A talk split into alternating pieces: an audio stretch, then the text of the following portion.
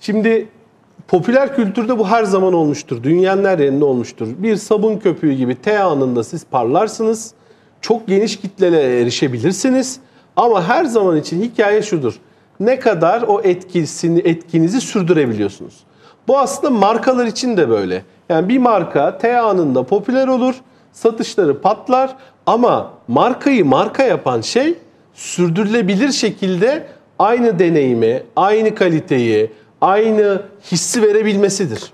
Şimdi eğer benim kendimin net bir alameti farikası yoksa ve o alameti farikayı ben sürdürecek donanımım yoksa aslında ben her zaman için bir yerde sönmeye namzet bir bireyim.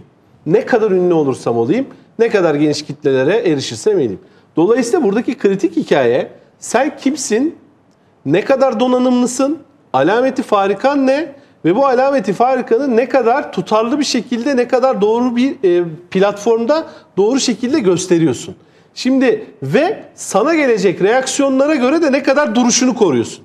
Şimdi tüm bunların hepsine çek atıyorsan sen zaten sönmüyorsun. Ve üstüne bir şey koyuyorsan. Bir şey koyarak Evet. gidiyorsun. Ama bunların hiçbiri yoksa sende T anında ben çok iyi takla atarım diye popüler olurum. Ama takla tüketilen bir şey. Senden daha iyi takla atan olur. Takla atarken amuda kalkan olur. Ama senin alameti farikan insanların kalbine ya da rasyoneline katma değer sağlayan, ilgisini sürekli çekecek ve sürekli besleyen bir unsursa o zaman işte o sabun köpüğü hikayesi sürebiliyor.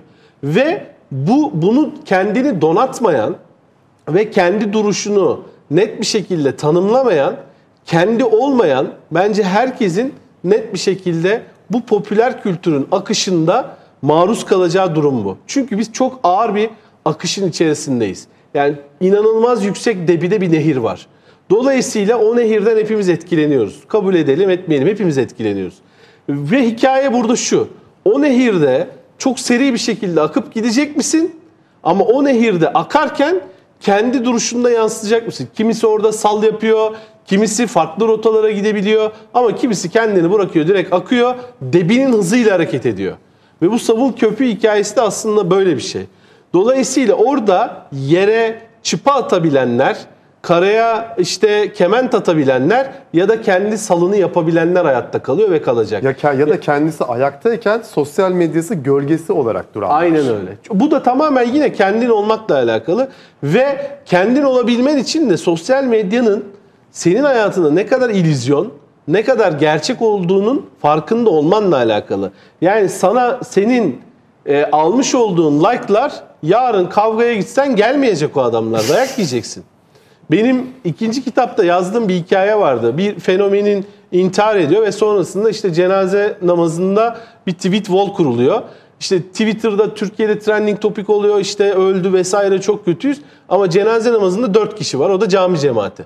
Yani aslında Şu anda da öyle değil Şu mi? anda da yani öyle. Bir tanınmış birisini kaybettiğimiz zaman profiline girip yorum yazıp bir olay bitiyor bizim Çünkü o için. daha kolay. İşte az önce söylediğim hikaye. Oraya gitmek yine bir efor istiyor ama senin bununla barışmış olman lazım. Yani sen kendi içinde bana bu şu anda bin like geliyorsa bu real değil. Yani real değil evet bu bir realite ama ben bundan bir yere kadar havaya girmeliyim. Ya da işte senin programına müdahil oluyorsa ya da bu müdahil olmanın benim programa ürettiğim içeriğin ana stratejisini değiştirmemesi lazım. Çünkü benim bir duruşum var Tabii. ve benim bir üretimim var.